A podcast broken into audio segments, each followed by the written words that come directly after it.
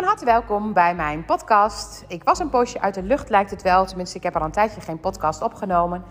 Niet omdat er geen inspirerende situaties meer voorbij kwamen, maar meer omdat ik uh, blijkbaar met andere dingetjes bezig was. Maar ik had vanmorgen heb ik geluisterd weer naar een, um, een podcast waar ik altijd even naar luister van Abraham Hicks. En uh, daar kreeg ik, uh, vind ik altijd heel erg verbazingwekkend, precies dat antwoord wat ik ook eigenlijk even zocht. En dat is heel vaak zo. Het moment dat je graag iets wil ontdekken voor jezelf, dan kan er, als je je ogen open houdt, gewoon gelijk iets op je pad komen wat je inzicht geeft. Nou, de podcast van Abraham Hicks vanmorgen, dat ging over um, het uh, ontwikkelen van kinderen. En vanavond geef ik toevallig een lezing over de ontwikkeling van kinderen. En gisteren had ik een aantal kinderen die echt onwijs snel zijn in de ontwikkeling. Echt um, bij zes weken de eerste rol al laten zien. En uh, nu bij vier maandjes zeg maar op de buik liggen. En eigenlijk al precies te weten hoe tijgeren gaat werken. En uh, deze ontwikkeling, eigenlijk zouden we daar eens met open mond naar mogen kijken. Kijk eens hoe bijzonder het eigenlijk is dat babytjes, zo klein en zo bleu als dat ze zijn, blijkbaar een of andere ongelofelijke chip hebben. Een chip waar alles op staat hoe het eigenlijk hoort. Dus het moment dat je kijkt naar een baby en een baby wordt geboren, hoe al die stapjes als ouder kunnen we het niet eens bedenken. We hebben echt geen idee. En ik als hulpverlener die daar ook nog een beetje voor geleerd heeft, verbaast me ook elke keer weer hoe die kinderen dat echt zo perfect doen. En hoe ze eigenlijk ook het moment dat er iets in de weg zit, dat ons ook perfect laten zien. En um, wat ik dus eigenlijk wil aangeven, is dat wij denken als ouder uh, een kind te moeten helpen. Dus dat je eigenlijk in de ontwikkeling de dingen mogelijk moet maken. En natuurlijk moet je ze ook de ruimte geven om te ontwikkelen. Want het moment dat je ze de ruimte niet geeft. Kijk, als een kind vast ligt in een heel klein bedje en die krijgt geen mogelijkheid tot rollen, dan zal het ook niet leren rollen, dan leert het het wel af. Maar het is toch verbazingwekkend hoe al die stapjes in de ontwikkeling gaan zonder dat wij het beïnvloeden. En misschien moeten we dan ook echt daar even bij stilstaan en uh, misschien er wel stil van zijn dat het zo mooi in elkaar zit. En dat wij het dus niet hoeven te sturen. Nou, ik ga daar vanavond nog iets meer over vertellen. Hoe dat allemaal in fases in elkaar zit. Niet uh, bij de podcast, maar bij een lezing die ik ga geven. Maar wat ik vanmorgen dus, waar ik naar luisterde, is dat in het onderwijs, hoe kun je kinderen um, in die situatie houden dat ze zelf zichzelf inspireren. Zeg maar, dat ze geïnspireerd worden door de omgeving. Want eigenlijk een kind, zeg maar, die de ontwikkeling doet, die doet het helemaal zelf. Dus zou het zo kunnen zijn, en ik geloof daarin, dat een kind door geïnspireerd te worden zichzelf het lezen gaat aanleren. En dat een kind door geïnspireerd te worden gaat rekenen. En dat een kind door geïnspireerd te worden dat precies wordt wat hij eigenlijk zou willen worden of zou moeten worden. Maar ik geloof daar helemaal in. Ik geloof er echt in dat kinderen, als ze de ruimte krijgen, precies gaan ontwikkelen wat nodig is. En dat we eigenlijk kinderen dus um, een soort van gemotiveerd proberen te gaan maken of zelfs iets opleggen. Dat ze bijvoorbeeld moeten gaan leren lezen of moeten gaan leren schrijven of moeten gaan leren rekenen. En buiten het feit dat ik het zelf ook nog spannend vind in hoeverre een kind dat werkelijk zou gaan leren en ik dat dus ook nog niet helemaal los durf te laten, denk ik dat het belangrijk is om eens gewoon onder de indruk te zijn van die stapjes die een kind gewoon doet.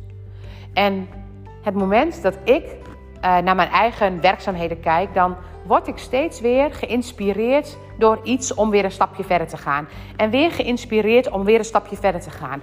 En waar ik wellicht in het begin heb gedacht dat ik het moest doen om mezelf te ontwikkelen, of omdat ik het gevoel had dat ik nog niet goed genoeg was, dan was dat mijn inspiratiebron om dingetjes te gaan doen. En dat kan voor een kind natuurlijk ook zo zijn. Want op het moment dat een kind het gevoel heeft dat hij niet snel genoeg kan, misschien gaat hij dan wel in plaats van lopen fietsen. Omdat hij dan ziet dat hij iets nog niet kan en dat heel graag wil.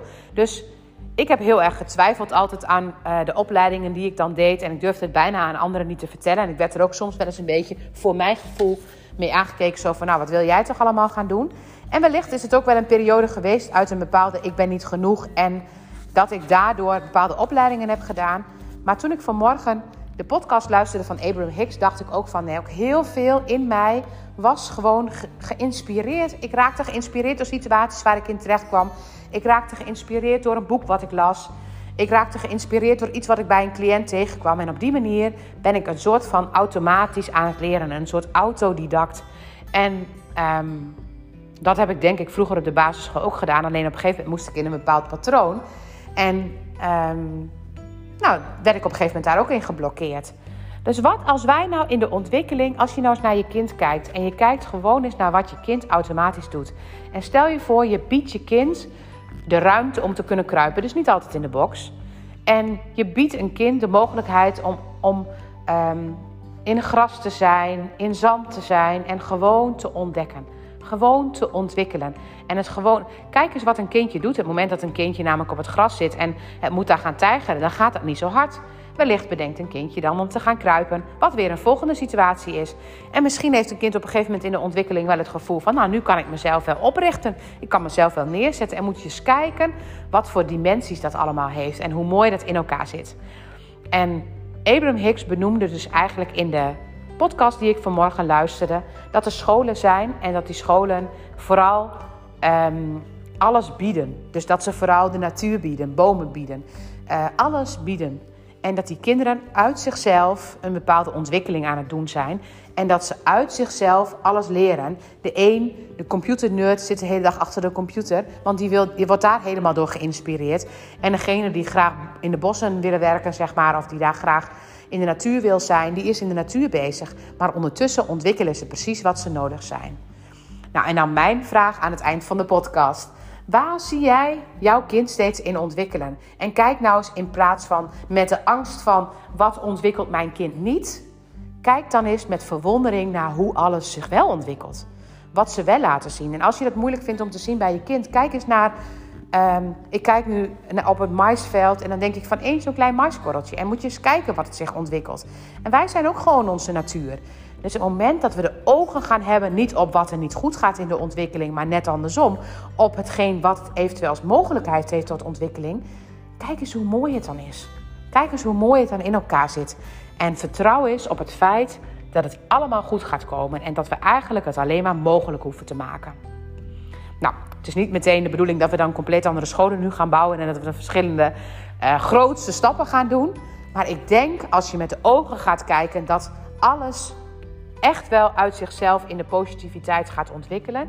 Dus eigenlijk door motivatie, de, de motivatie zeg maar, hoef je iemand niet te geven. Iemand wordt geïnspireerd. Je vindt een intrinsieke motivatie om dingetjes te willen gaan leren.